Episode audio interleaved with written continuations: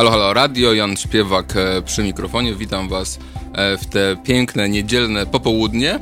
A będziemy dzisiaj rozmawiać e, w pierwszej części naszego programu o Czechach, o sytuacji w Czechach politycznej, ale też zdrowotnej. Podobno Czechy są liderem, jeśli chodzi o wychodzenie z koronawirusa, a w drugiej części będziemy rozmawiać o tym, co będzie się działo z Unią Europejską, między innymi z polską polityką po wyborach i po wirusie. Do usłyszenia, do, i do, do, do usłyszenia przed przed Tak jest. Halo Radio, Halo Radio, na śpiewak e, przy mikrofonie. E, to jest Radio Obywatelskie. Zachęcam Was e, do wspierania go, również, do, oczywiście dobrym słowem, ale również finansowo. Podaję namiary na nasze studio. Telefon 22 39 059 22.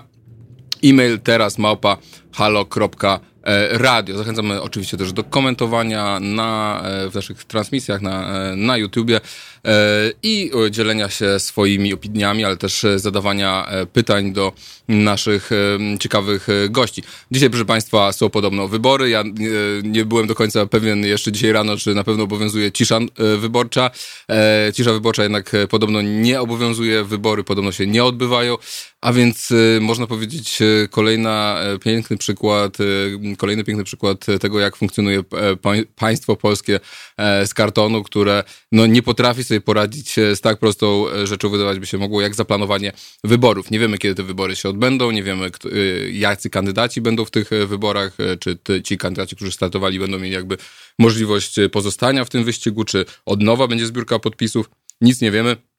Naprawdę panuje tutaj nieopisany e, chaos. E, mi się przypominają te czasy, kiedy były wybory samorządowe w 2014 roku i też czekaliśmy bardzo długo na te finalne wyniki e, tych wyborów. Też wtedy było bardzo dużo zamieszania i wydawać by się mogło, że taka sytuacja już się nie może powtórzyć, a tym razem się powtórzyła i to na skalę znacznie, znacznie większą, bo tak naprawdę te wybory mm, powinny być, były być przeprowadzone, a, a nie zostały. A więc y, y, taka jest dzisiaj sytuacja w, niedzielny, w niedzielę 10 mm, mm, maja. A my się łączymy w tym momencie z naszym gościem, Janem Szkwerniakiem. Czy my się dobrze słyszymy, Janie, z Pragi? Tak, dzień dobry. Cześć, witaj, ahoj. E, bardzo mi miło e, usłyszeć e, głos e, z Pragi, e, chyba e, mojego ulubionego miasta, w którym no nie spędziłem może aż tak wiele czasu, ale parę miesięcy, jeden semestr spędziłem i jest to piękne, piękne miasto i, i bardzo lubię Czechy, a sytuacja, mamy teraz świetny pretekst, żeby porozmawiać o tym, co się dzieje w Czechach, w Pradze, bowiem Czesi są podawani jako międzynarodowy wzór do tego, jak e, należy sobie mm, radzić, jak państwo powinno sobie radzić e, z e, epidemią koronawirusa. Czechy były jednym z pierwszych krajów, które, można powiedzieć, spłaszczyły tą linię zachorowań, a więc osiągnęły te cele, które mm, jakby mm, europejscy liderzy sobie narzucili, zachodni, w ogóle światowi liderzy sobie nauczyli, czyli właśnie poprzez ograniczanie kontaktów społecznych, zamknięcie części biznesów, jakby doprowadzić do zaduszenia tej epidemii, e, ale też Czechy jako jeden z pierwszych krajów e, zaproponowały już wyjście i odmrażanie e, gospodarki, więc e, jest to niewątpliwie ciekawy punkt odniesienia do naszej rozmowy, ale na początku, Janie, jeśli mógłbym zadałbym Ci takie pytanie, jesteś polonistą, historykiem. I chciałem Ci zadać takie pytanie o, o trochę dotyczące pejzażu politycznego Czech. Myślę tutaj o panu Babiszu, który jest premierem Republiki Czeskiej. I i niecałe kilka miesięcy temu mogliśmy obserwować potężne, gigantyczne demonstracje e, w Pradze, które liczyły ponad 250 tysięcy mm, osób, e, które protestowały przeciwko e, Babiszowi. I Babisz jest często porównywany do takiego skrzyżowania, można powiedzieć, że z Berlusconiego z Jarosławem Kaczyńskim, czyli taki trochę populista, trochę prawicowy i też magnat medialny, bo osoba, która posiada ogromne, ogromne wpływy i, wiele tytułów prasowych i, i medialnych. Więc y, chciałem ci zapytać na samym początek, y, jak wygląda dzisiaj sytuacja i pozycja Babisza, jak to się stało, że Czesi wylądowali e, z tym e, Babiszem na koniec? Dzień, dzień dobry jeszcze raz. Co dotyczy, dotyczące Babisza, no ciągle jest premierem i jego poparcie ciągle jest koło 30% wyborców Teraz właśnie dzisiaj okazał, okazał się sondaż i według tego sondażu może 4 punkty procentowe zdobył Babiš na tym kryzysie e, epidemiologicznym. Ale tutaj trzeba powiedzieć, że, że wszystkie, niemal wszystkie rządy w Europie zdobyły dodatkowe poparcie. I to poparcie dla Babiša jest zbyt, zbyt bo jakieś tam 4%. I na w Niemczech to jest 12% pro, pań, dla pani Merkel. Mm. Babisz był oskarżany o bardzo poważne rzeczy, o korupcję i e, no, o rzeczy kryminalne. E, powiedz mi, e, jak wygląda dzisiaj sytuacja opozycji i jego pozycja w społeczeństwie tego, tego rządu? Opozycja, opozycja przede wszystkim jest podzielona na siedem partii, więc no to, to trochę niedobrze im idzie, mm.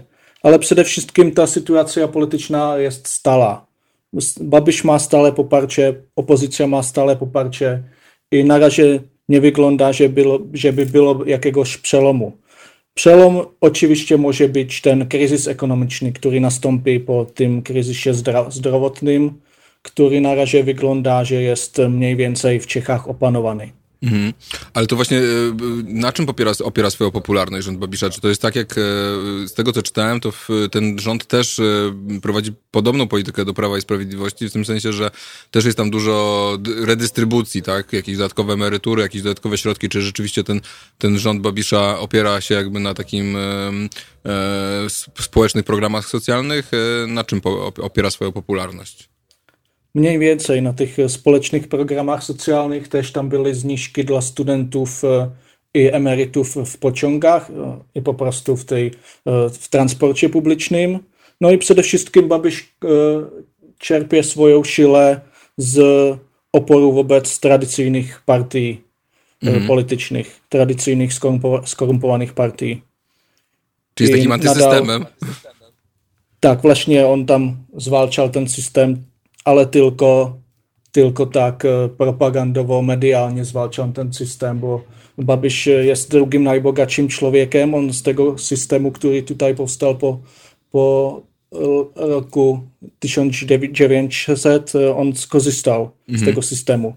Właśnie w tym okresie transformacji on wybudował swoje imperium rolniczo, przetwórstwo przemysłowe. Mhm. A jak ta opozycja nie potrafi się pozbierać? No bo jeśli widzimy 250 tysięcy ludzi, to są liczby nawet na Polskę, który jest przecież krajem no, y, trzy, czterokrotnie mniejszym od Czech, no to gdyby w Warszawie miało się zebrać y, tyle ludzi, to by musiało się zebrać z milion osób, żeby to, była, żeby to było proporcjonalnie, więc to są potężne, jakby rozumiem, emocje. Znaczy, czy, e, czy to też ten konflikt przebiega między, tak jak trochę jak w Polsce, że na linii miasto-wieś, że miasto po prostu jest, te większe ośrodki miejskie e, są po prostu e, bardziej, bardziej liberalne. Wiem, że mówi się o tej czeskiej kawarnie, tak, czy, czy praskiej kawarnie, czyli, czyli praskiej kawiarni, tak, czyli takim mm. odpowiedniku polskiego salonu. Czy, czy, czy te ruchy, te ruchy sprzeciwu są właśnie, te potężne ruchy sprzeciwu wynikają właśnie z tego, z tego konfliktu, czy tam jest też troska o, o, o, rozmontowywanie pewnych zasad państwa prawa, bo jeśli spojrzymy e, przynajmniej tak do nas to dociera, jak na ile obserwuję też Czechy, no to jednak e, w Polsce demontaż na przykład e, e, wymiaru sprawiedliwości no, poszedł znacznie, znacznie dalej i, i jednak Praga się wydaje być taką stoją e, liberalnych swobód, nawet z tym e, premierem oskarżanym o różne rzeczy. Tam jest jednym z największych problemów jest konflikt interesów premiera Babysia, bo on jest jednym z największych biznesmenów, oligarchów w Czechach i on skorzysta z funduszy unijnych. Mhm. I oczywiście skorzysta też z funduszy państwowych. Więc e, on może decydować o, o tych funduszach i pobiera te pieniądze z tych funduszy. To jest jeden z tych, e, mhm. z tych problemów, co e, pcha ludzi na ulicę. Następnym problemem jest współpraca z, komunistą, z komunistami, mhm. bo jego Aha. rząd popierają komuniści. Okay. Ten rząd jest mniejszościowy z e, socjaldemokracją, ale za poparcia komunistów. A komuniści to I... są byli tacy persona non grata e, czeskiej polityki, takich, z którymi się nie robiło koalicji, czy o co chodzi, że to jest taki duży Właśnie. problem? oni, oni nigdy nie byli w koalicji, teraz po pierwszy raz popierają jakąś koalicję. Aha. W latach 90. i podczas pierwszych lat nowego milenium była okazja dla socjaldemokracji zrobić koalicję z komunistami. Tam by była, byłby tam by, mieliby większość, mhm. Ale oni tego nie zrobili. Mhm. Socjaldemokracja wtedy zrobiła koalicję, koalicję z mniejszymi partiami prawicowymi. Mhm. Więc komuniści są tacy, tacy non grata. Ale to się wydaje być bardzo lewicowy rząd, jak mówi, że, że z Babiszem rządzi socjaldemokracja, do tego ma ciche wsparcie, tak mniej lub bardziej oficjalne komunistów. E, to się wydaje to być e, bardzo, bardzo progresywne, brzmieć przynajmniej. No, tylko może na papierze, bo mm. tam nie jest dobry lewicowy program. To jest mm. taki, taki zbiór różnych e, e, punktów, e, mniej więcej lewicowych, albo też czasami populistycznych. Mm. Bo na przykład e, zamiast tych zniżek dla emerytów na, na pociągi, lepiej byłoby wyremontować pociągi albo zrobić więcej połączeń. Mm.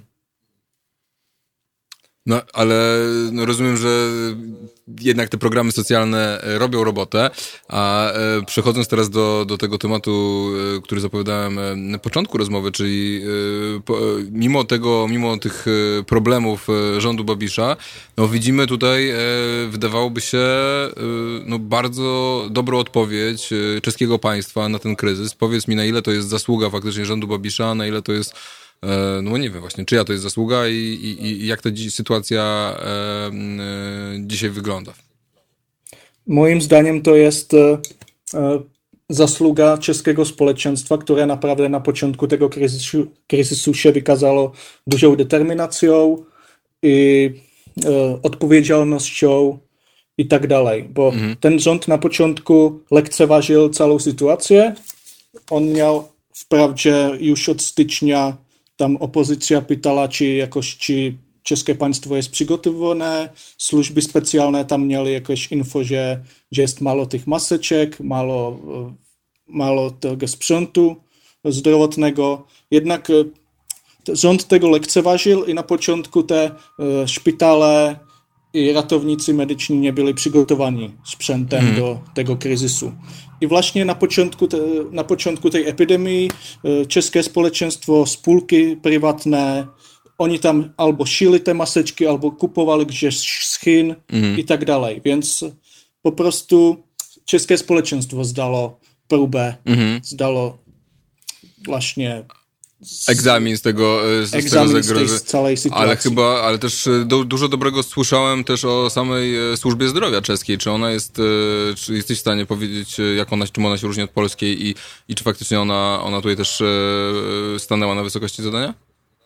No, tam jest, ona jest lepiej finansowana niż czeska, niż polska, Aha. przepraszam. A ona jest finansowana jest z budżetu, tam, tak? Po prostu z podatku? Tak, właśnie. Mhm. I nie tylko z tego centralnego budżetu, ale też z tych, e, z tych regionalnych mhm. budżetów. Okay, Więc to jest, to, to jest po prostu... więcej finansowania.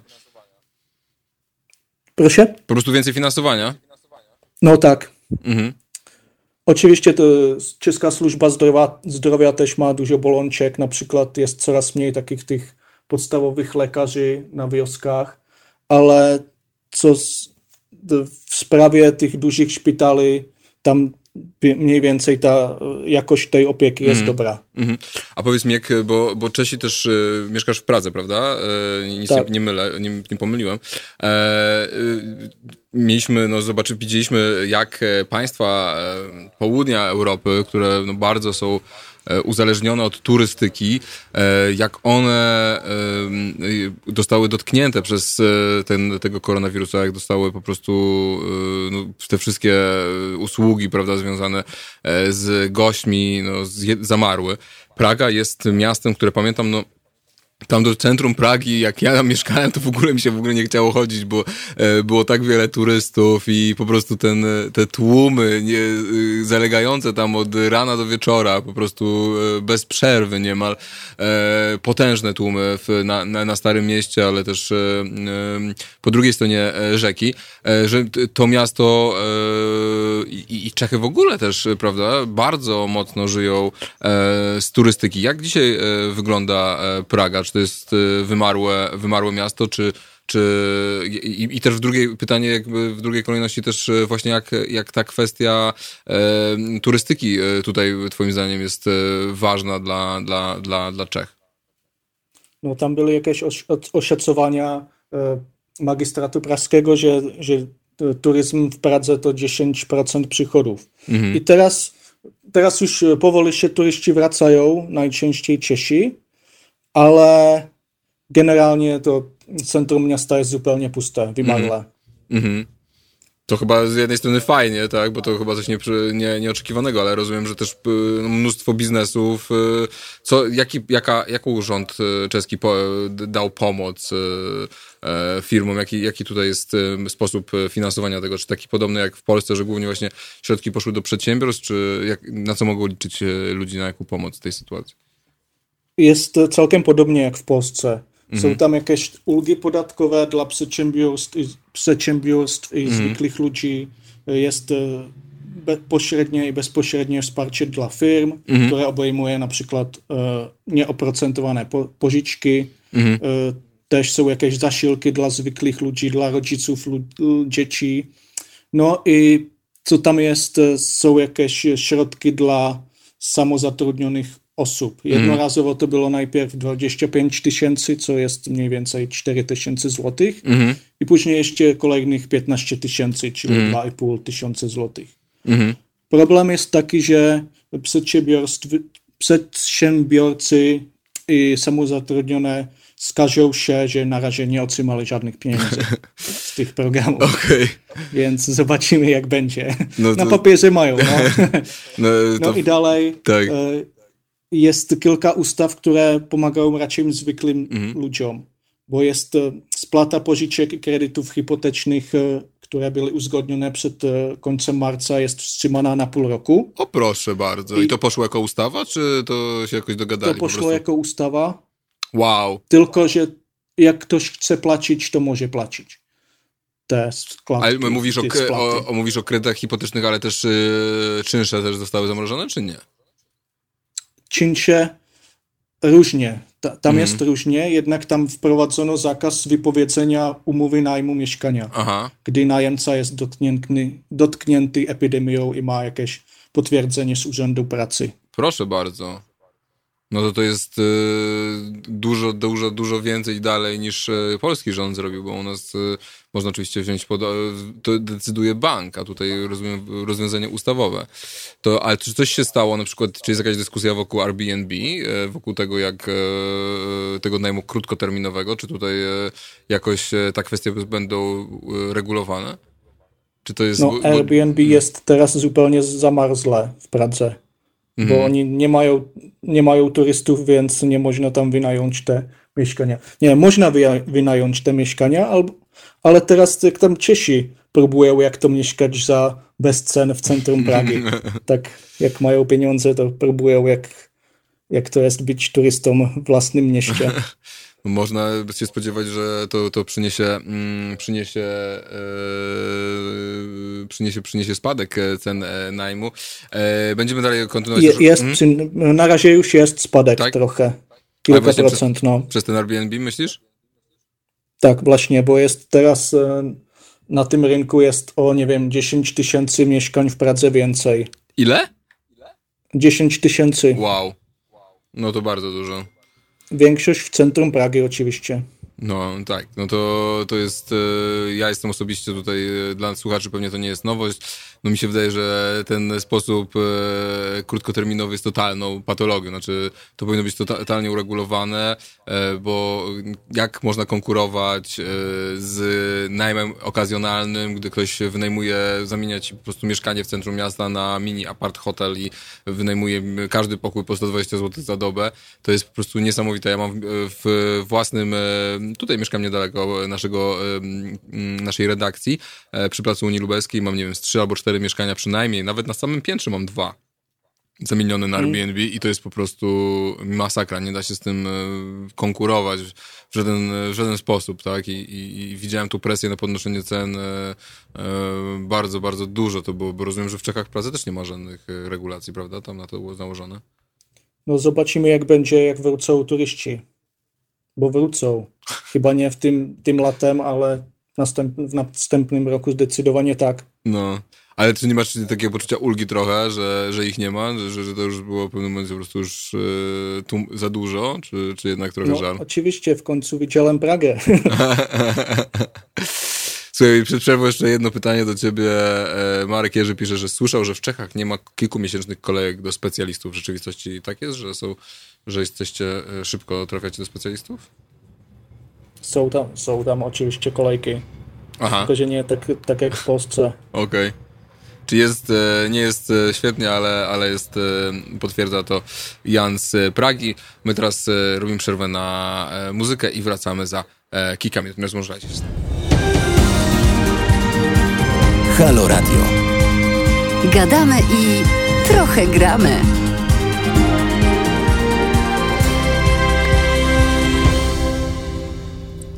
Halo, halo, radio, Jan e, Śpiewak e, przy mikrofonie. E, prowadzimy naszą rozmowę, ale tutaj w międzyczasie jeszcze zdążyliśmy się z Tamarą zgodzić co do tego, że bardzo nie lubimy upałów. Tamara to jest nasza e, realizatorka, której oczywiście e, bardzo e, dziękujemy za pracę. I niestety to mi przypominało artykuł, który czytałem w tym tygodniu o tym, jakie są projekcje, jeśli chodzi o mm, temperatury dotyczące świata i tam zostało stwierdzone, naukowcy wyliczyli, wybadali, że do roku 2070 E, między zwrotnikami, tak mniej więcej między zwrotnikami, e, w dużym uproszczeniu, e, będzie już tak gorąco, że ludzkie życie nie będzie po prostu mogło mm, tam przetrwać, po prostu podtrzymać swojej biologicznej egzystencji. To nie jest specjalnie odległa perspektywa, rok 2070. Możemy sobie wyobrażać, co E, to wszystko uruchomi, jakie procesy społeczne, migracje, erozję dalszą praw, e, swobód obywatelskich. E, no słowem prowadzi nas do piekła. Mamy nasze, no dzisiaj naszym gościem w pierwszej części jest Jan Szkwerniak.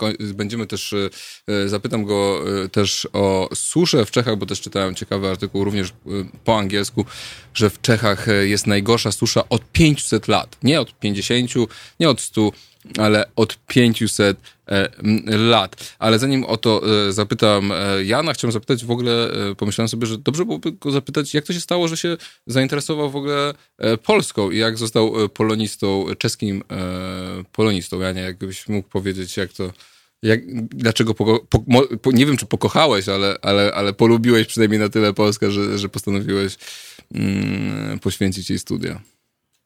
No, próbuję, próbuję mówić po polsku. nie, myślę, że mówisz bardzo dobrze. O, na pewno dużo lepiej niż ja, ja mówię po czesku. Więc... No, studiowałem e, historię i po prostu chciałem jeszcze kolejny kierunek, żeby wiedzieć coś więcej i właśnie jakoś na szkole średniej byłem w Polsce, no i wtedy zacząłem się uczyć polskiego, żeby tam nie mówić po angielsku. Więc tak stąd to. No to chcesz powiedzieć, że jesteś zmuszony do tego? No, no, tak to brzmi. Polska jest całkiem ciekawym krajem. Aha. Takim no połechtaj naszą, połechtaj naszą tutaj e, na, na, na, naszą dumę narodową. Co, co, co takiego jest ciekawego e, dla Czecha? Obi-Wan pyta mnie, zapyta jak się ma Java i CZ, ale ja nie wiem o co chodzi. Ty wiesz o co chodzi? Java? Tak. To taki motor. A, okej. Okay. Czeski motor? No, tak. I jak? Produkują go dalej? W sumie nie wiem. Nie jestem pewien, bo nie znam się na motoryzacji, motoryzacji. za bardzo. No to Obi, Obi-Wanie, no niestety tutaj mamy odpowiedź yy, na pewno tkwi w pamięci, ale nie wiemy, co się z nią dzieje. Ale wracając do tego yy, tematu, yy, co cię zainteresowało w, w Polsce, co jest ciekawego w naszej, w naszej historii czy kulturze? Cała ta historia, cała, cała ta kultura, te dwa narody w jednym, które macie. Mhm i jak się spierają, jaka będzie Polska. Ale to jest ciekawe, ten konflikt Aha. społeczny albo narodowy. Mhm. Polska wojna e, domowa, innymi słowy, cię, cię interesuje? No, tak mniej więcej. A rozumiem, że do takich emocji w Czechach takich nie ma, tak? E, tak wielkich jak w Polsce. Myślisz, że z czego się to bierze, jakby, jak obserwujesz tak z boku? No trudno powiedzieć. Przede wszystkim czeskie społeczeństwo jest podzielone inaczej, że jest, mm. nie, e, nie, jest podzielone na dwa tak, tak samo wielkie, duże obozy, ale jest raczej fragmentaryzowane, więc mm. czasami jest inaczej i nie ma takich ostrych starć jak w Polsce. Mhm. Ale w Polsce jak myślisz, skąd, e, jaki jest ten podział twoim zdaniem główny? Znaczy, gdzie on, gdzie on przebiega? E, jak, jak udało się politykom podzielić społeczeństwo? Czy może to społeczeństwo już było twoim zdaniem wcześniej podzielone? No, wszystkim chodzi o ten podział na Polskę A i Polskę B i mhm. to z, chyba z, już z rozbiorów jest. Mhm. Mhm. I kontynuuje, chociaż, chociaż tam przez te wszystkie przesiedlenia i zmiany, zmiany ludności jest inaczej niż było wcześniej, ale jest zachód liberalniejszy, liberalny mm. i wschód konserwa bardziej konserwatywny. -hmm. Ale jak e, przyjeżdżasz do, do Polski, do Warszawy, to co cię, co cię tak uderza? Jakby, co jest tutaj taką podstawową różnicą, jakby, która, która dzieli nas e, o, o, i, i Czechów? Bo My chyba, my chyba Czechów lubimy, prawda? Tak mi się wydaje, ale nie wiem, czy Czesi nas, nas tak bardzo lubią. Wydaje mi się, że chyba mają dystans do nas, czy, czy, czy, czy, czy, czy, czy się mylę? Czesi, Czesi lubią tylko siebie. tak. Stąd to chyba wynika.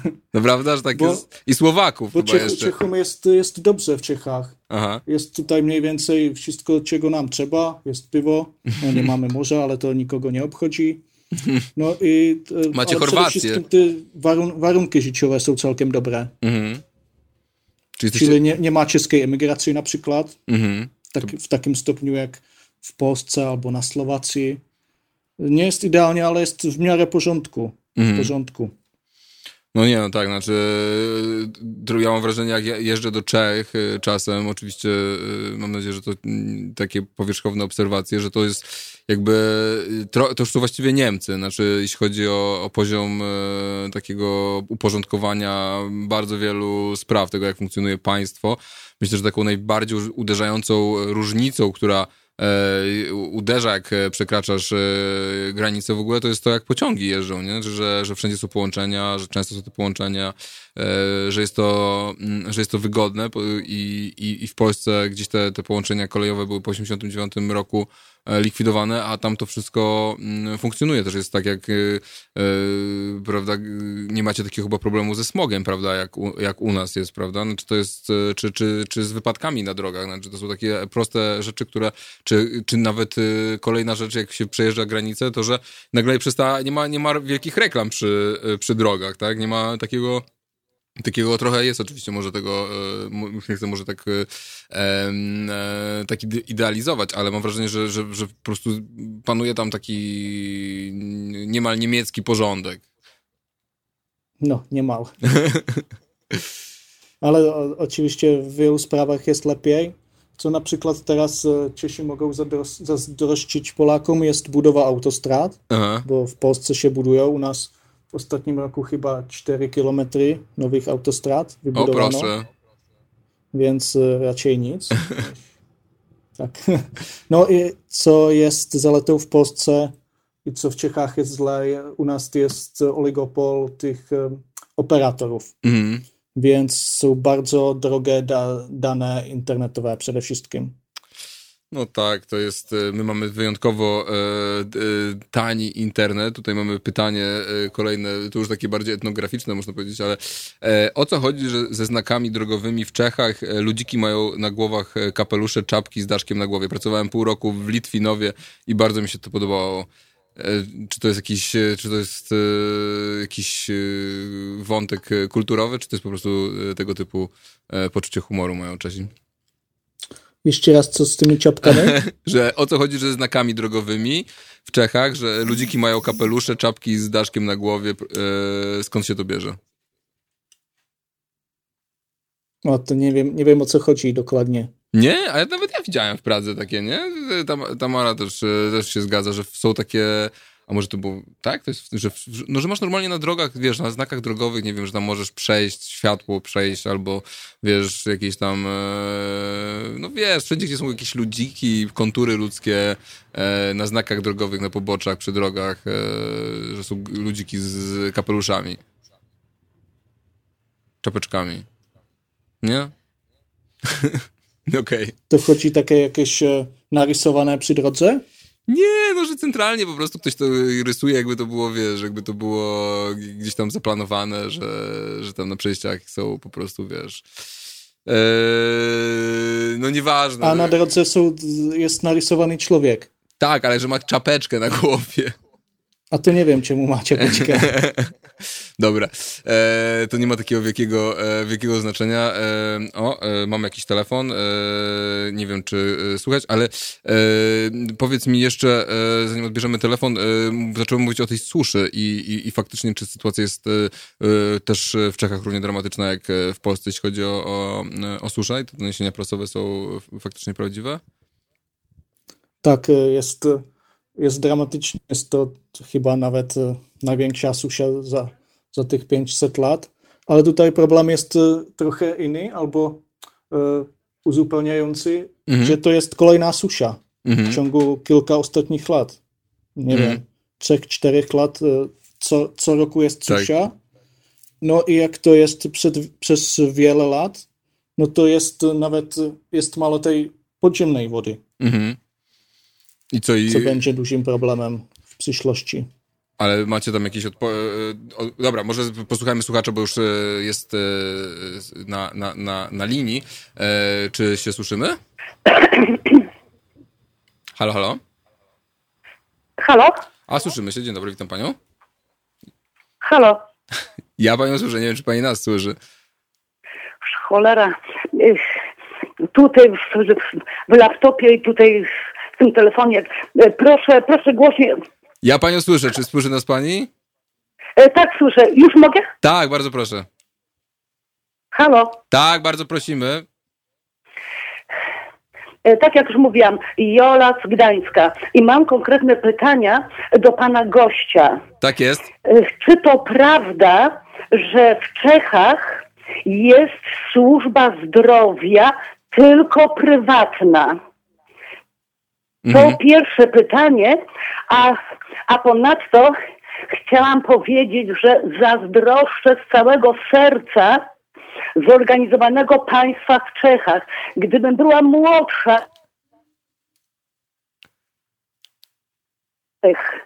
to naprawdę coś niesamowitego, jak oni są daleko, daleko kulturowo i społecznie rozwiniętym krajem. Aha. Bo u nas w Polsce Polacy z drzewa cywilizacji, gdzie cały Zachód zszedł już z tego drzewa, no powiedzmy, tej ciemnoty. A u nas w Polsce po 89 mm. Bo usztecznienia. Wchodzimy, wchodzimy, wchodzimy i bijemy się, kto szybciej, która partia szybciej zaprowadzi nas razem z Kościołem na Boga. Ludzie. I... No. Coś nam przerywa. No i co? Coś nam przerwało przez chwilę. Czy były dwa pytania, tak? Znaczy nie, pierwsze pytanie dotyczyło e, prywatnej służby zdrowia, a drugie pytanie... Tam przerwanie. Tak. A było. drugie pytanie czego dotyczy? Proszę? A drugie pytanie, czego dotyczyło? Jakby mogła pani podsumować? Nie, to nie było pytanie A, to było, drugie. Okej, okay, to była po prostu... Tylko... Jasne. Tylko takie zdziwienie, ale połączone z wielkim, Tak. wielkim szacunkiem do tego małego kraju, jakże Boże, blisko, a zarazem Tak jakże bardzo, bardzo daleko są od nas. A Tak. ponadto e, to dwa narody. Tak, to prawda. Mhm. Od zawsze, chyba od zarania były dwa narody. I szkoda, że ten naród. Boże, muszę się opanować, żebym nie powiedziała już- dużo, dużo Tak. e, prawdy, ale takiej ostrej. Ostrej. No nie boimy się... Aczkolwiek też wiem, że w Czechach to jest państwo świeckie. I otóż to. Otóż to, tak. Otóż to.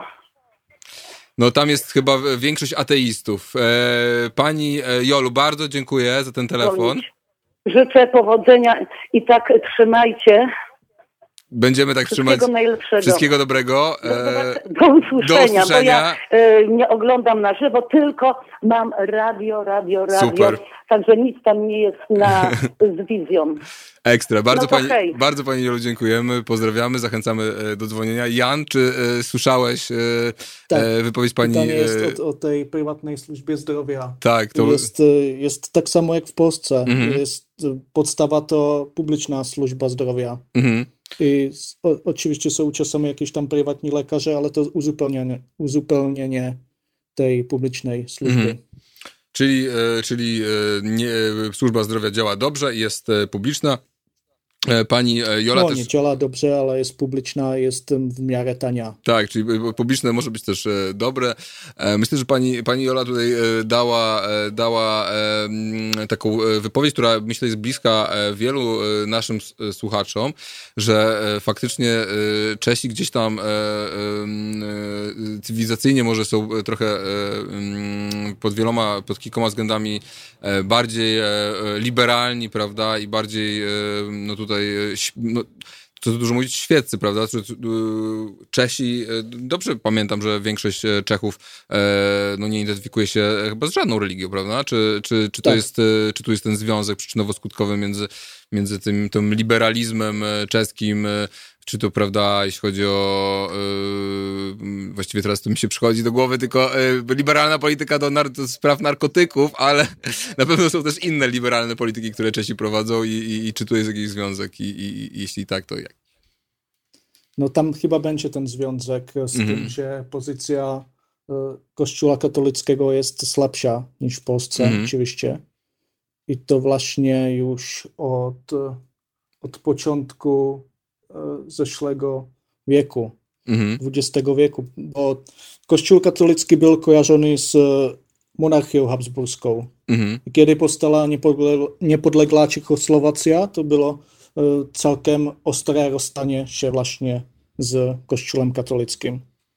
Kościół katolicki był religią okupanta e, niejako, tak? Bo jeszcze tutaj są te tradycje, prawda, husyckie i, i takie nieza, nieza, niezależności e, czeskiej. To jest e, ciekawe, bo w Polsce ten kościół zawsze u, u, ubierał się przynajmniej w takie szaty e, narodowo-wyzwoleńcze i e, i, staw, i stawiał się przynajmniej symbolicznie po stronie, po stronie tych ruchów, e, bo rozumiem, że tutaj takiego, taki, takiego, takiego ruchu po stronie kościoła czeskiego nie było.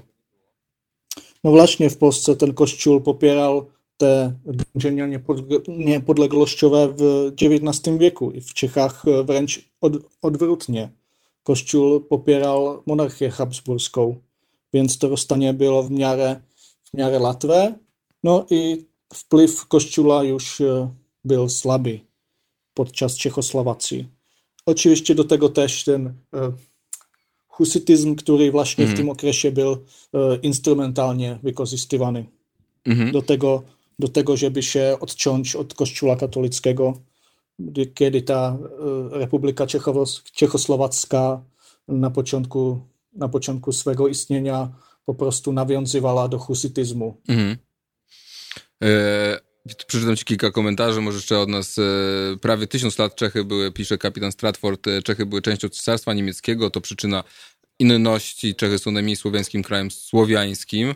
E, mm, to jest... E, e, Czechy są ok, bo Kler nie... Wpi- nie wpiernicza się do życia politycznego i społecznego. Lejski kraj, hura! To jest kolejny tego typu. Czesi zawsze mieli zajebistą technikę, przemysł samochodowy, motocykle ogólnie technikę, Czesi tacy Słowianie niemieccy, ahoj, uwielbiam crossowe CZ-ki. E, oddolnie załatwili kościół, a nie odgórnie, trzeba brać z nich przykład. Więc e, e tutaj e, no, e, widzę, od, od, nie od, chodźmy do kościoła, kościół padnie.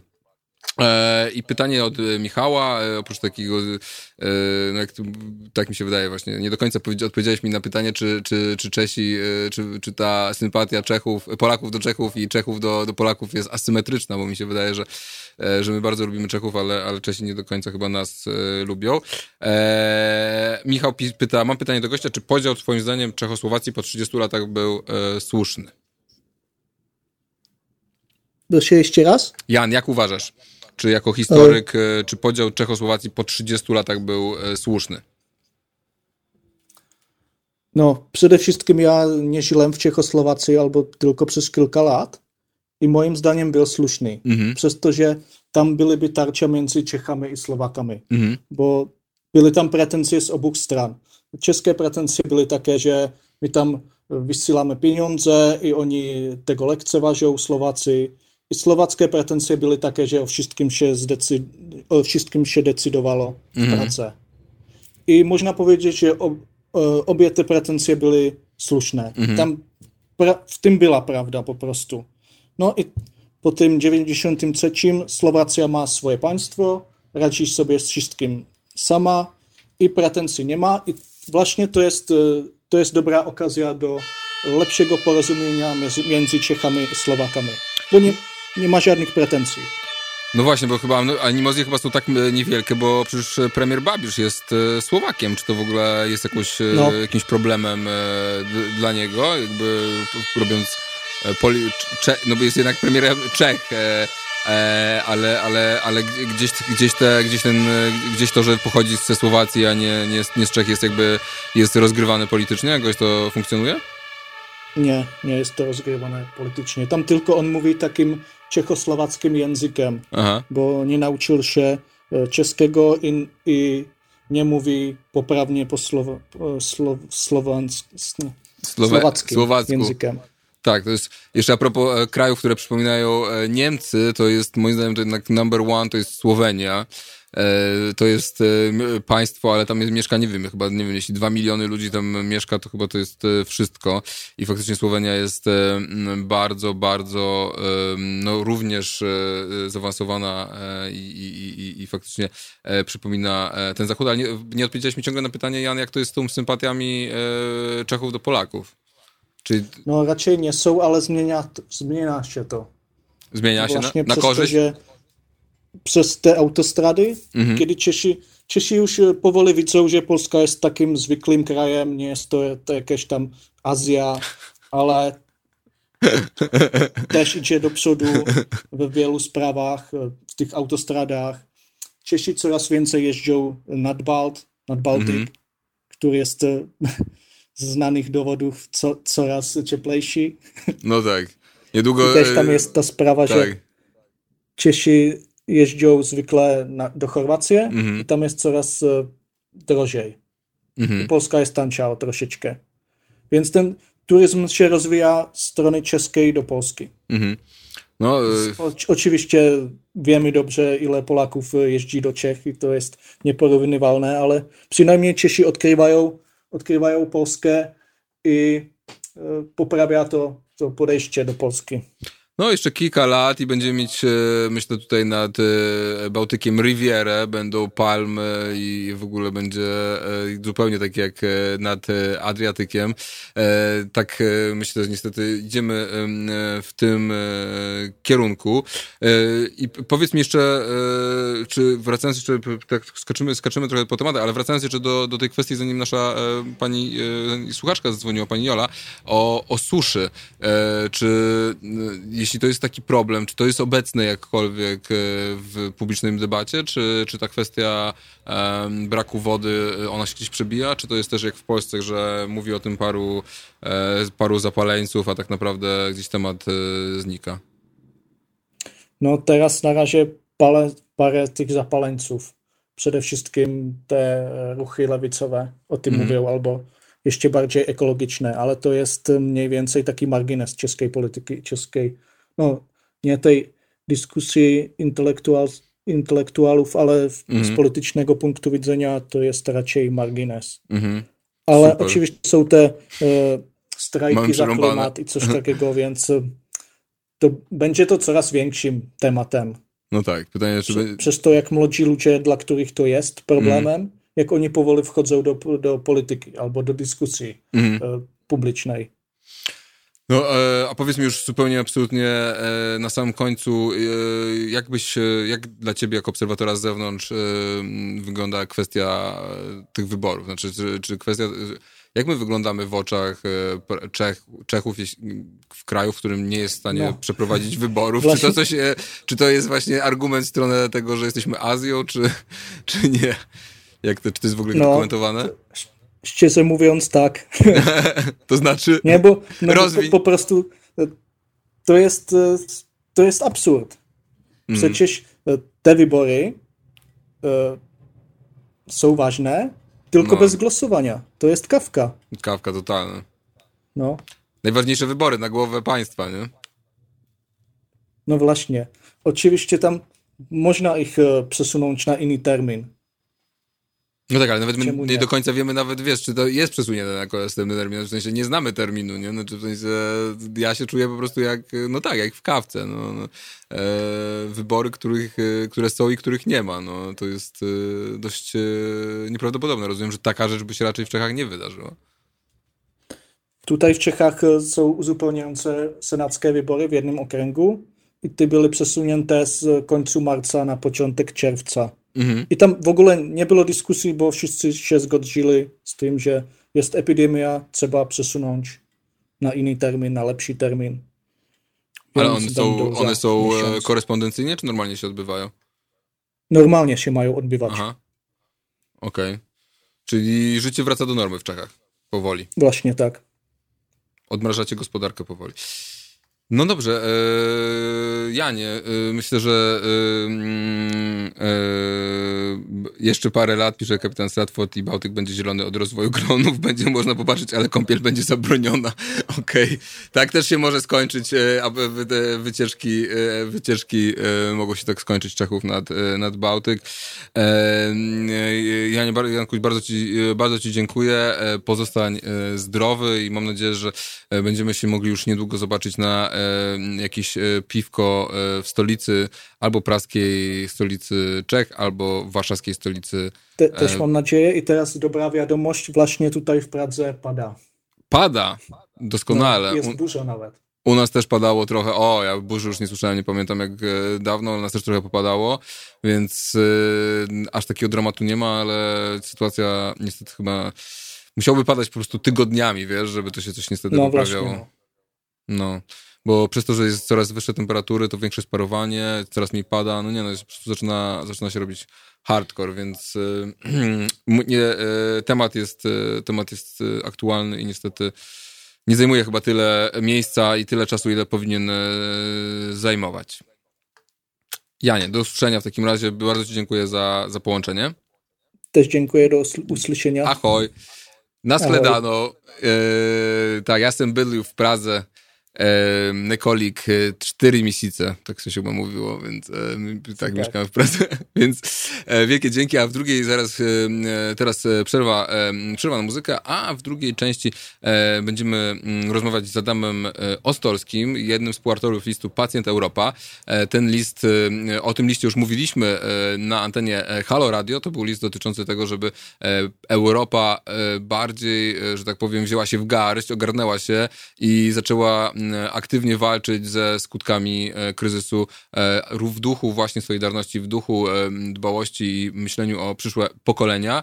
E, Co z tego zostało, co udało się z tego zrealizować, E, więc o tym będziemy właśnie rozmawiać e, w drugiej e, części z doktorem Adamem Ostowskim, socjologiem e, z Uniwersytetu Warszawskiego. Zostańcie z nami, a my się słyszymy już po 16. Mikrofonie. Halo Radio. Pierwsze radio z wizją.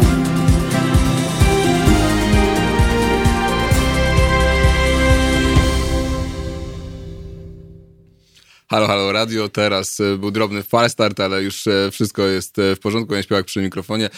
To jest niedzielna popołudniowa audycja 10 maja. Dzisiaj wielki dzień, wybory i będziemy trochę o tych wyborach również mówić. Przypominam, to jest radio obywatelskie. Żyjemy dzięki waszemu wsparciu, waszym głosom, ale też wpłatom finansowym. Przypominamy numer telefonu do nas 22 39 059 22. Zachęcam do, do komentowania, do dzwonienia. E, tutaj widzę, że mała e, dyskusja meteorologiczna się też rozwinęła a propos upałów i e, załamania e, pogody, który ma nastąpić e, w przyszłym e, tygodniu. To ja też dorzucę swoje trzy grosze pogodowe. Czytałem o tym. Nie są to dobre wieści, bo chodzi o to, że powietrze arktyczne zostanie wypchnięte, zimne powietrze arktyczne zostanie wypchnięte przez cieplejsze powietrze i to powietrze arktyczne mm, trafi właśnie właśnie e, do Polski, wywołując te, to załamanie pogody i możliwe opady e, deszczu śniegiem, ale to jest zła wiadomość, bowiem e, będzie po prostu bardzo ciepło nad północnym biegunem i to zapowiada wcale niezbyt dobre rzeczy na przyszłość. A teraz będziemy rozmawiać z naszym drugim gościem, doktorem Adamem Ostolskim z Instytutu Socjologii Uniwersytetu Warszawskiego. Czy się słyszymy? Halo, halo. Dzień dobry. O, Dzień dobry Państwu. Się. Bardzo dobrze się słyszymy. Super. E, Adamie, jeśli mogę się tak do e, pana e, doktora zwracać, chociaż to zawsze trochę jest niezręczne, bo znamy się, znamy się prywatnie, ale, ale Adam Ostowski jest jakby tutaj, że tak powiem, można powiedzieć również moim nauczycielem w akademii. E, a chciałem e, Ciebie zapytać, e, może zaczynając od tego, o czym już na antenie Halo Radio rozmawialiśmy parę tygodni temu z Mateuszem Piotrowskim, jednym ze współautorów listu Pacjent Europa do władz Unii Europejskiej, apelu, którego jesteś również współautorem, apelu o większą solidarność w obliczu tego kryzysu i też w walce ze skutkami czy przeciwdziałaniem e, skutk skutkom globalnego mm, ocieplenia. E, powiedz mi, czy e, coś udało się z tej listy, o którą walczycie? Ja też się podpisałem pod tym listem, więc mogę powiedzieć, walczymy. Udało się coś mm, z tej listy zrealizować, postulatów? Na razie budujemy poparcie, budujemy presję. Y, na instytucje europejskie, na liderów europejskich, żeby y, odpowiedź na ten kryzys była solidarna. Y, I ten list, myślę, że oprócz tego, że zatacza coraz szersze kręgi, ostatnio poparł go Sławoj Žižek, mhm. To jest takim wsparciem i, i, sojusznikiem dla tych europejskich polityków, którzy nie chcą zmarnować tego momentu, w którym się znaleźliśmy, a przede wszystkim nie chcą dopuścić do tego, żebyśmy po epidemii y, znaleźli się w gorszym miejscu, jeśli chodzi o solidarność, o Zielony Ład, o spójność Unii Europejskiej, niż byliśmy przed epidemią. Więc to nie jest tak, że tylko nasz list Pacjent mm. Europa jest tutaj y, jedynym działaniem. Jest cały szereg różnych inicjatyw politycznych, pomysłów, działań, które się nawzajem y, wspierają.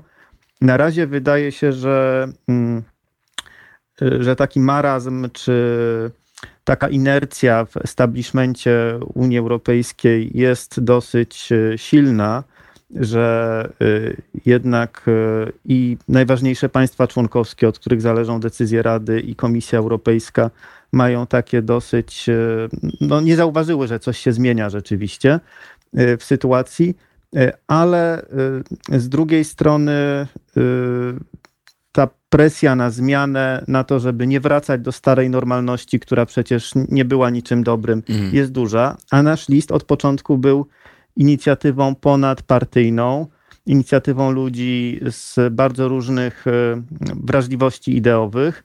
I to też jest bardzo istotne, bo w takich momentach jak teraz, czyli w momentach kryzysu, e, dla skuteczności bardzo ważne jest e, to, żeby umieć wyrosnąć ze starych tożsamości, narracji, ideologii politycznych i wykrować coś nowego. Więc mam nadzieję, że się do tego przyczynimy. Mhm. No mówisz tutaj o tym, że po stronie Komisji Europejskiej nie ma tego zrozumienia. Jak myślisz, z czego to wynika? Znaczy, mówiło się chociażby o jednym z postulatów listu Pacjent Europa jest jakby, że tak powiem, emisja, e, emisja europejskich obligacji, która by e, była, no, która by spowodowała, że no, jakby południe Europy, które jest wyjątkowo dotknięte e, tym kryzysem z wielu powodów, już wcześniej przecież po 2008 roku znajdowała się w bardzo kiepskiej sytuacji, a teraz jeszcze w dodatku turystyka cała, która jest ogromną gałęzią tam gospodarki została całkowicie podcięta, żeby ten, ten żeby ta, to południe Europy miało niższe oprocentowanie długu, prawda? I widzimy, że, że, że Niemcy i, i Holendrzy, oni się na to e, nie zgadzają. Kto, e, czy tutaj można wskazać e, jasno, kto gra w tej drużynie zmiany, a kto chce utrzymać status quo? To jest dokładnie ten sam podział, który mieliśmy już przy dyskusjach nad budżetem europejskim. Dyskusji, która zaczęła się przed epidemią koronawirusa. Y, cztery oszczędne państwa, czy państwa, które lubią o sobie mówić, że są oszczędne, y, czy, czy to jest y, trafny opis, czy nie, to jest inna historia. I większość państw, które chciały jednak większego budżetu. Jeden sukces jednak udało się odnieść. Tu muszę autopoprawkę zgłosić. O, w tej chwili w dyskusjach nad budżetem europejskim mówi się już o tym, żeby podnieść go z poziomu 1% PKB Unii Europejskiej do poziomu 2%. Mhm.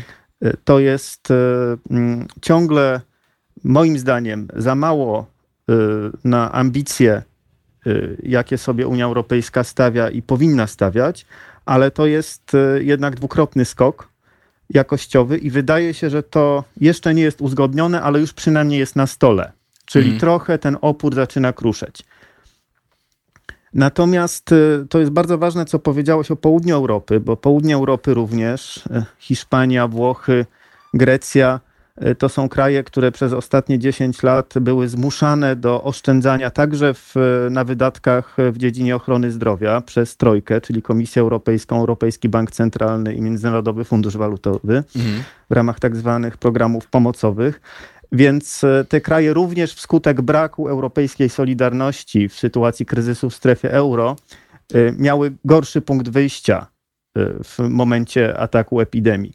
I obywatele tych krajów, zwłaszcza Włoch, czują się, no czują, że po raz kolejny zostawiają, zostali wystawieni do wiatru przez Europę. I to jest bardzo niebezpieczny moment, ale to jest też moment, który daje bardzo dużą szansę, dlatego że ta potrzeba takiego wręcz psychologicznego naprawienia tego poczucia skrzywdzenia, które przez 10 lat się budowało nie bez podstaw, e, teraz się wyraża w tym żądaniu, żeby wprowadzić korona obligacje. Mhm. To byłby tak naprawdę ekonomicznie nie aż tak duży ruch, natomiast byłby to bardzo duży ruch polityczny, a przede wszystkim byłoby to e, byłby to pierwszy taki moment, kiedy Unia Europejska naprawdę okazałaby solidarność z krajami takimi jak Włochy. Mhm. Dlatego to jest takie e, ważne i dlatego ta presja już buzuje.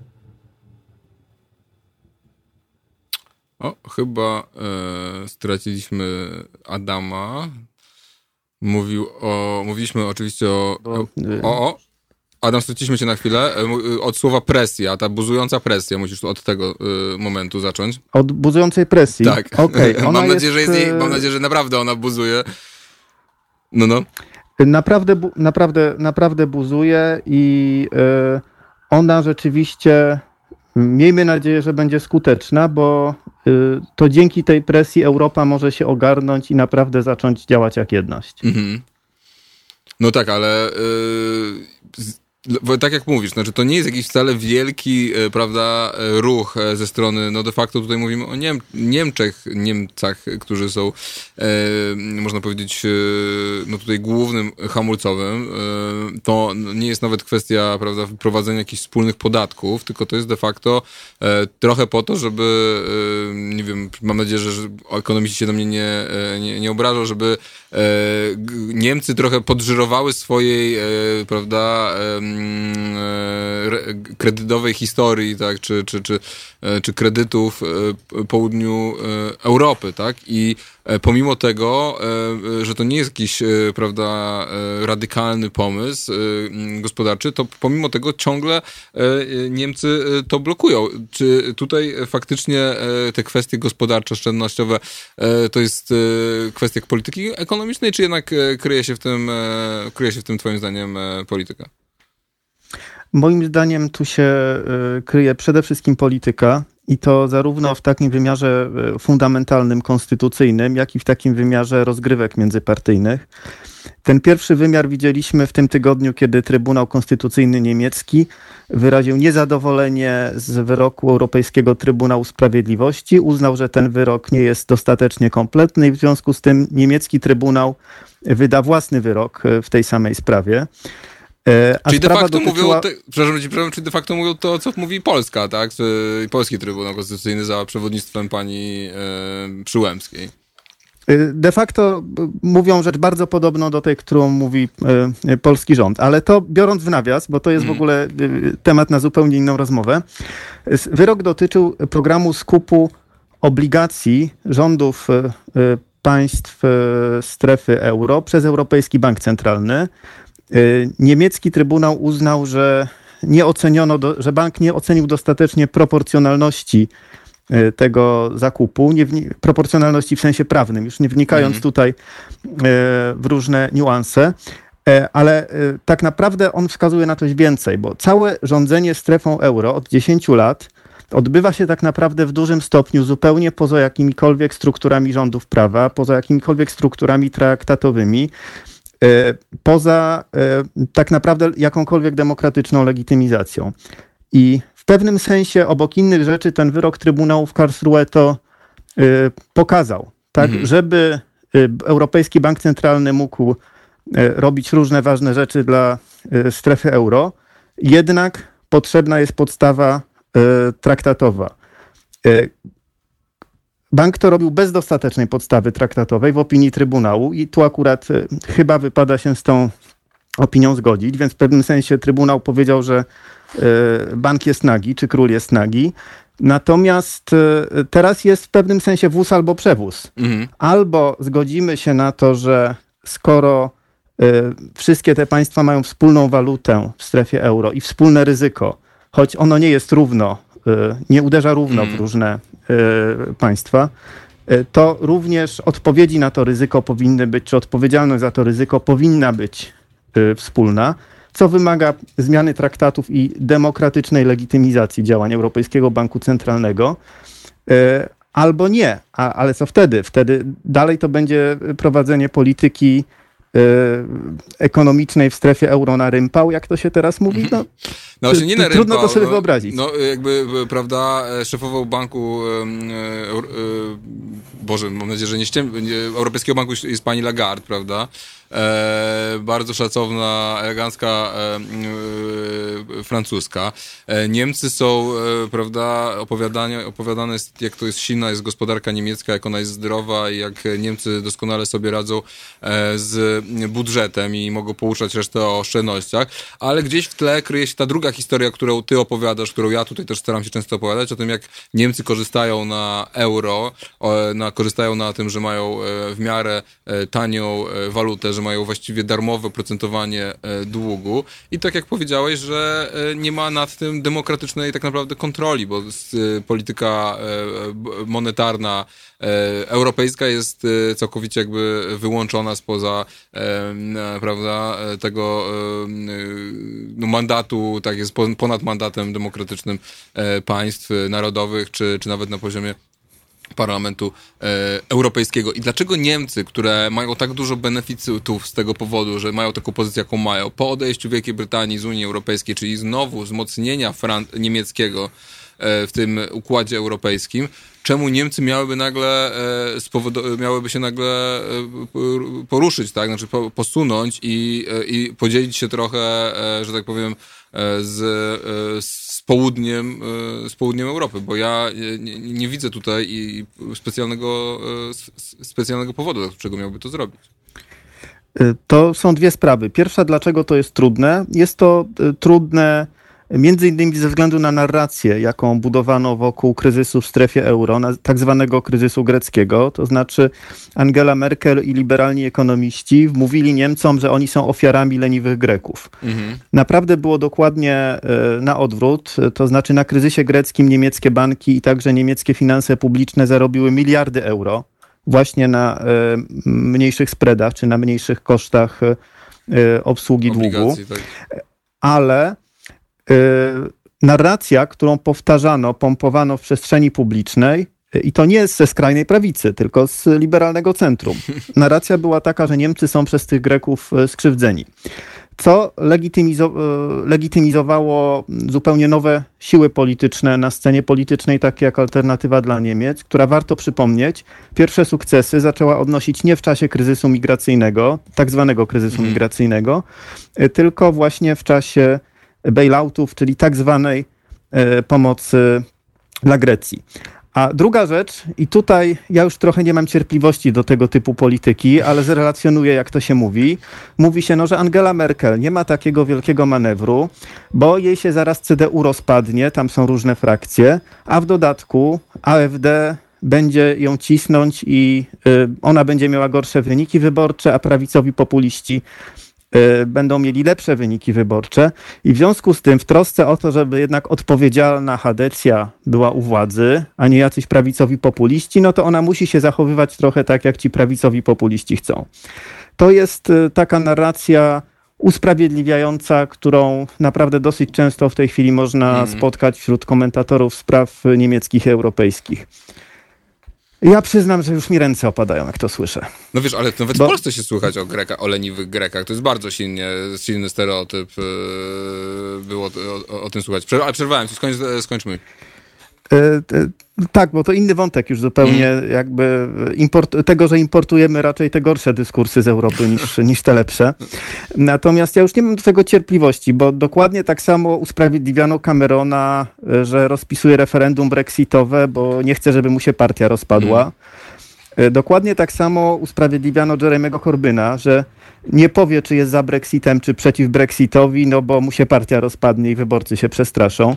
To naprawdę nie jest tak, że yy, jakby to powiedzieć, że nie ma in, że jak ci liderzy nie ogarniają, że muszą w którymś momencie zaryzykować, wziąć odpowiedzialność, pokazać kierunek, mhm. to nikt inny tego nie zrobi, nikt nie czeka na to miejsce. No powinni to miejsce komuś zwolnić. Ja uważam, że to, jak nieodpowiedzialną politykę prowadził David Cameron, E, Jeremy Corbyn i teraz e, prowadzi Angela Merkel, to jest jedno ze źródeł naszych nieszczęść. I tym mocnym akcentem robimy e, przerwę na muzykę. Wracamy do rozmowy z Adamem Ostowskim już po, po Depeche Mode Enjoy the Silence.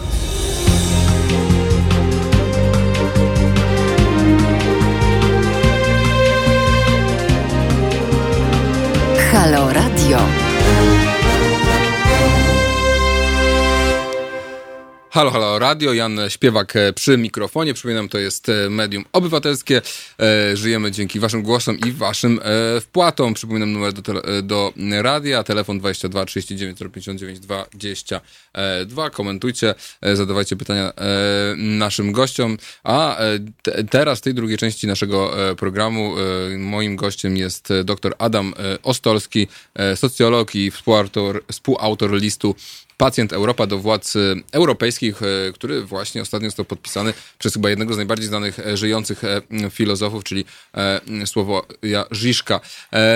I ten list stał się przyczynkiem do rozmowy o europejskiej solidarności i o tym, że dzisiaj tak naprawdę destabilizujący dla Europy politykę destabilizującą dla Europy prowadzi nie kto inny, ale Angela Merkel. Ale przechodząc już z tematów europejskich, ponadnarodowych.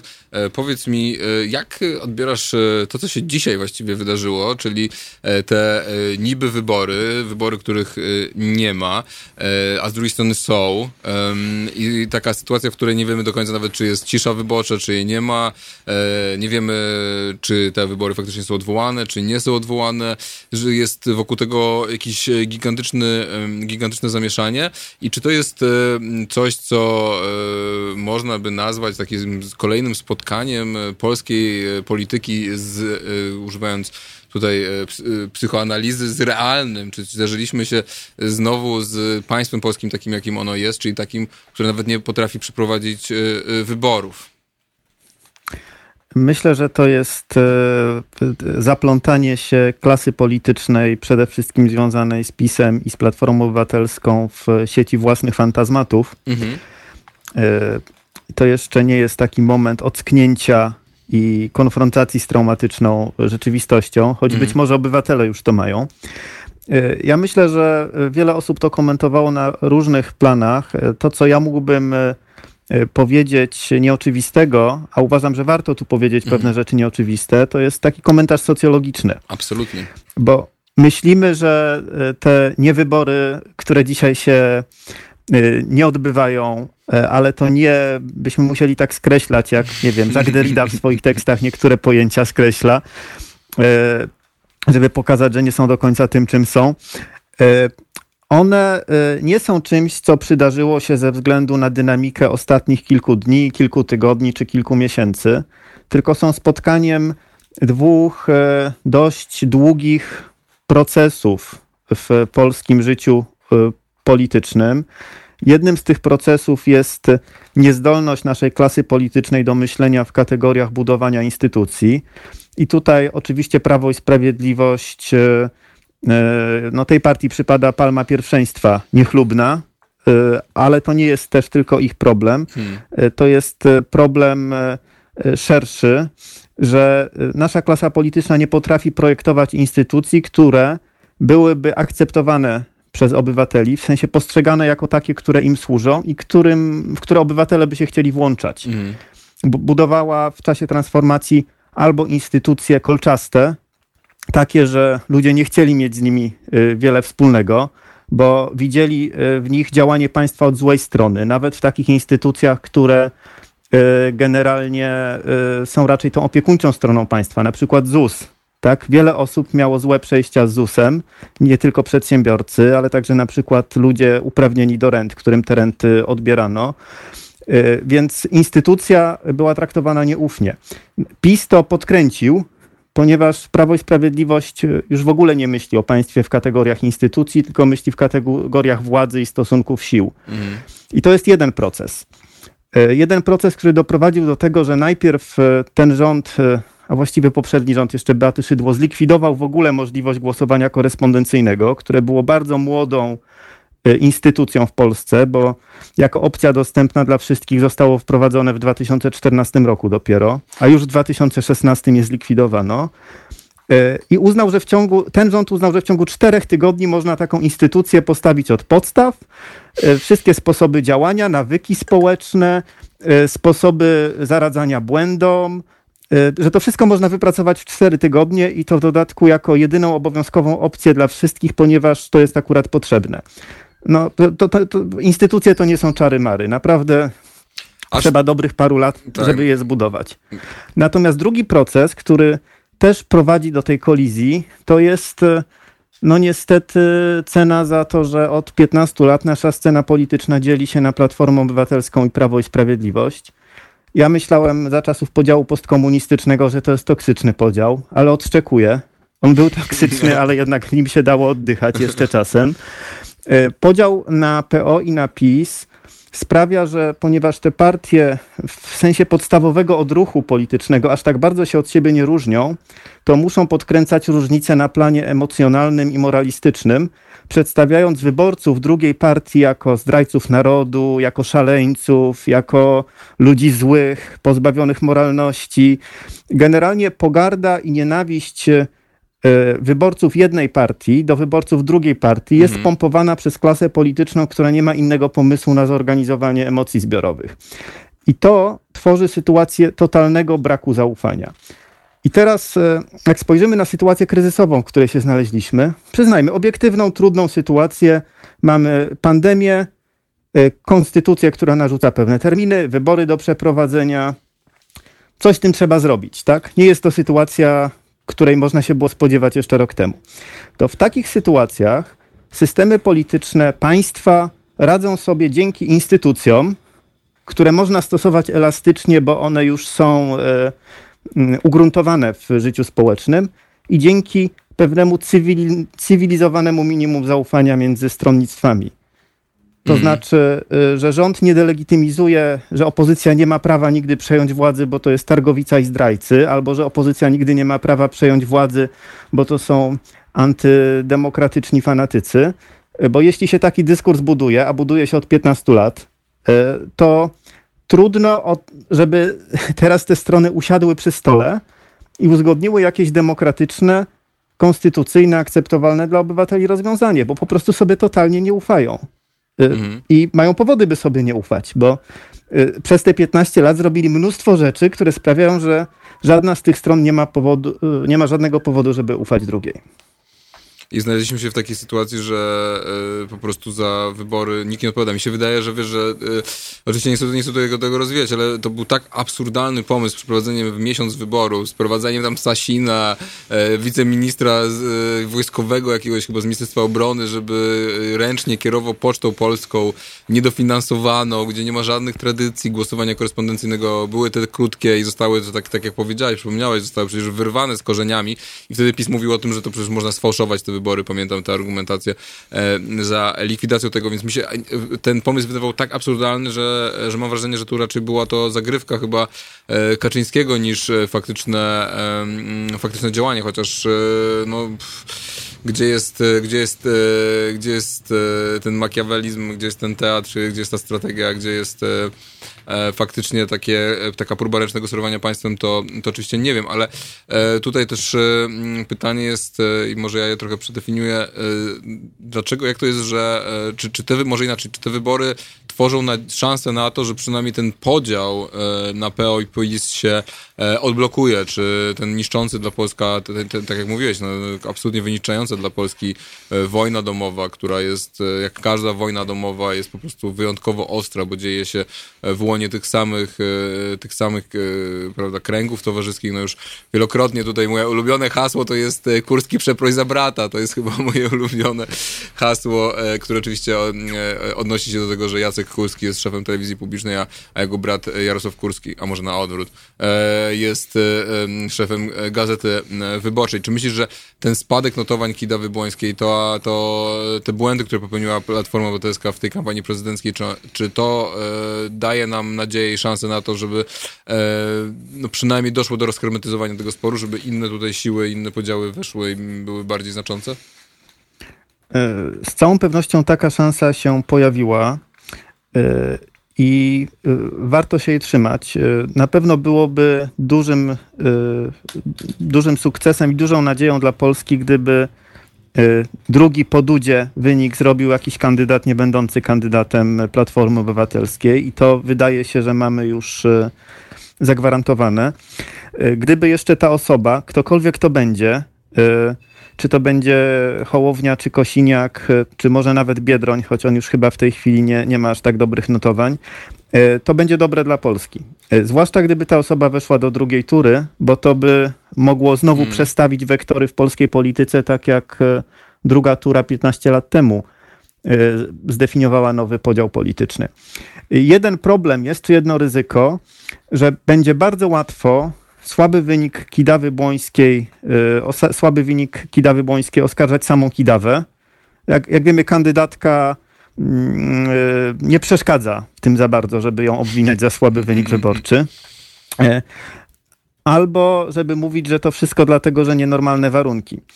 E, no oczywiście warunki są nienormalne, ale generalnie zrzucenie wszystkiego na kandydatkę po to, żeby oczyścić platformę, to byłaby taka próba uratowania platformy przed skutkami własnej polityki, no, jaką platforma prowadziła. Borys Budka i Grzegorz Schetyna się odcinali chyba od pani Kidawy.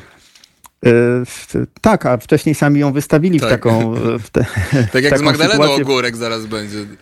Że Mile się nie będzie której, przyznawać do niej. Tak, choć muszę powiedzieć, że program Małgorzaty Kidawy-Błońskiej, ja jednak jestem z tej staroświeckiej szkoły, że czytam programy, choć nie zawsze wierzę, że politycy szczerze je deklarują, że to jest jednak dosyć dobry program. Na pewno dużo lepszy niż program Magdaleny Ogórek. Okay. Pięć lat temu.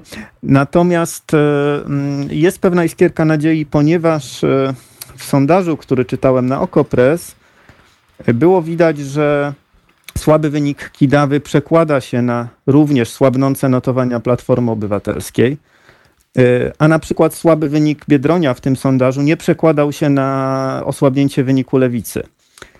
E, co wskazuje na to, że e, to nie jest tylko taki efekt pozorny sondażu związany z tym, że wyborcy Platformy Obywatelskiej głos, bojkotują te wybory i dlatego tak mm. naprawdę jest ich więcej niż Y, pokazują sondaże, tylko że oni y, prawdopodobnie w dużym stopniu y, zaczynają dostrzegać, że jeśli chcą głosować na tę siłę, która najbardziej wiarygodnie będzie bronić Polskę przed pisem, to chyba pora się pogodzić z konstatacją, że Platforma Obywatelska nie jest już taką siłą. No, mówiłeś o tym, że to może być jak w 2005 roku, ale tutaj e, no, jeden, e, wydaje mi, się, e, wydaje mi się, że jedna rzecz temu sprzeczy, bo chyba głównym pretendentem teraz, prawda, do drugiego miejsca jest Szymon Hołownia, a więc kandydat, który bardziej, no mi przynajmniej się kojarzy ta sytuacja z sytuacją w 2000, oczywiście ma to pewne inne, inne oblicze, ale to raczej mi się kojarzy z sytuacją z 2015 roku, gdzie, gdzie Paweł Kukiz, wtedy jeszcze może tak jasno nie kojarzony z z środowiskiem e, narodowym, czy, czy, czy, czy, czy, czy z tymi pomysłami. Teraz jest e, agrarystą.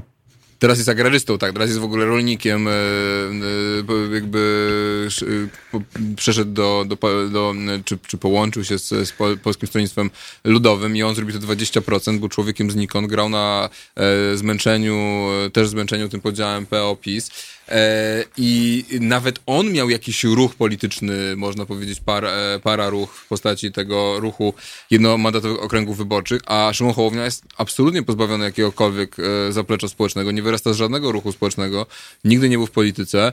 No bardziej przypo, przypomina tutaj może case um, prawda, premiera Ukrainy, tak, który, który miał firmę producencką, był komikiem, niż, niż, niż tutaj ten 2005 rok. Znaczy, co by się, co twoim zdaniem... Mówimy zro... o prezydencie Ukrainy?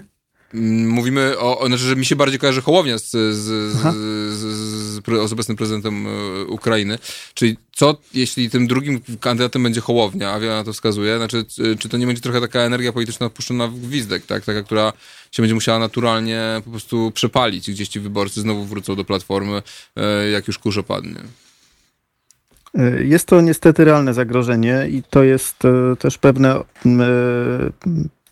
pewne obciążenie Szymona Hołowni jako kandydata transformacyjnego potencjalnie.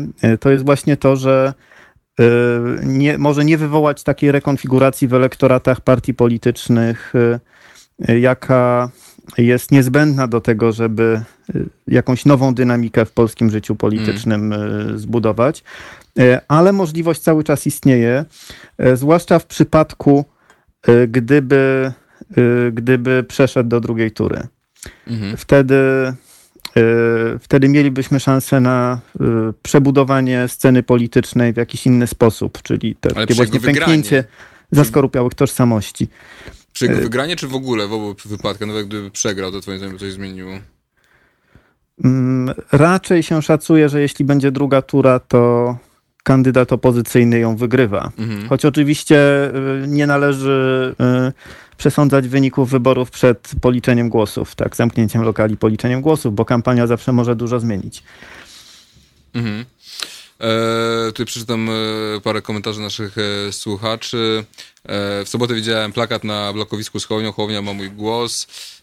Ktoś inny, kapitan z Teatru pisze Hołownia to projekt 2023. Start w wyborach prezydenckich to tylko skuteczne zaistnienie na scenie politycznej, ale to projekt mający stworzyć nową partię centrową na trupie Platformy. Marek pisze, Hołownia nie ma przyszłości, za rok mało kto będzie o nim pamiętać. No chyba, że odbyłyby się przyspieszone wybory. A ostatnie twoje, moje pytanie już e, dotyczy e, lewicy.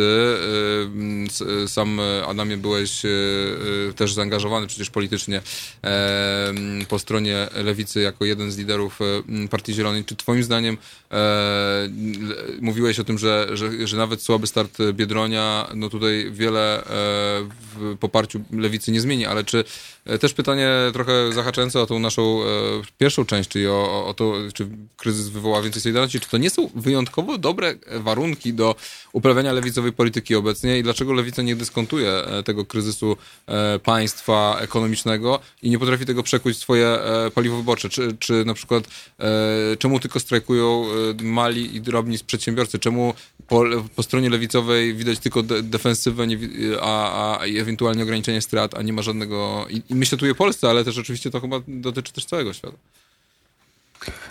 To są dwa duże pytania, więc spróbuję w kapsułkach tak. odpowiedzieć. Sytuacje kryzysowe na ogół raczej sprzyjają rządzącym niż mm. jakimkolwiek partiom opozycyjnym, nawet gdybyśmy rysując mapę obiektywnych interesów i obiektywnych problemów uznali, że lewica tu ma najlepsze odpowiedzi, to emocje wyborcze e, z rzadkimi wyjątkami jednak raczej się ogniskują wokół tych, którzy mają władzę i zapewniają stabilność w takich czasach. E, więc fantazje, że kryzys pomoże lewicy albo że kryzys pomoże platformie, to są tylko fantazje. Mhm. Natomiast e, problem lewicy w Polsce dziś to jest taki, że nie reprezentuje żadnej wyrazistej emocji, bo inną emocję reprezentuje Razem, inną emocję reprezentuje SLD, inną emocję reprezentuje Robert Biedroń. I gdybyśmy mówili o partii mającej 30-40% poparcia, to być może dałoby się z tego jakiś e, harmonijny tercet zbudować.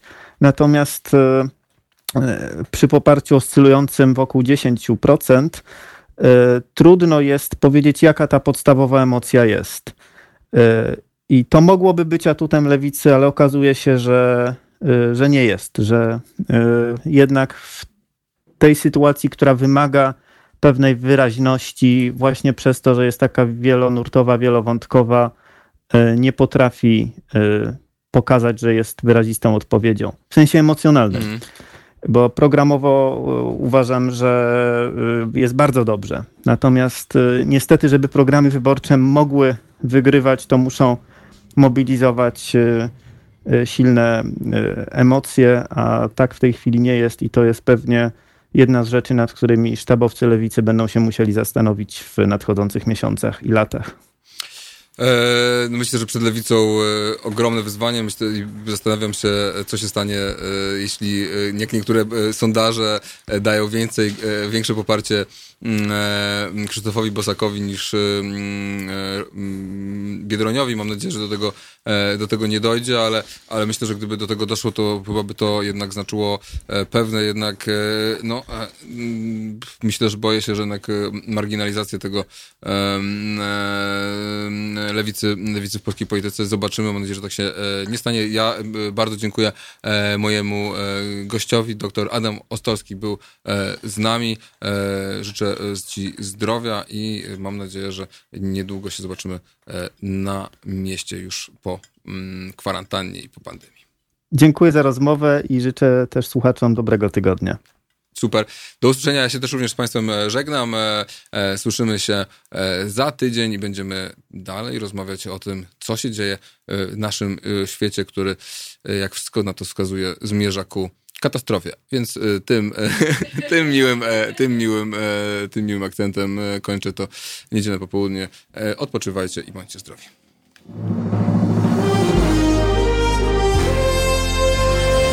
To proste. Żeby robić medium prawdziwie obywatelskie, potrzebujemy Państwa stałego wsparcia finansowego. Szczegóły na naszej stronie www.halo.radio, w mobilnej aplikacji na Androida i iOS-a oraz na koncie Fundacji Obywatelskiej w serwisie www.patronite.pl. Naszym darczyniom i darczyńcom serdecznie dziękujemy. www.halo.radio. Słuchaj na żywo, a potem z podcastów.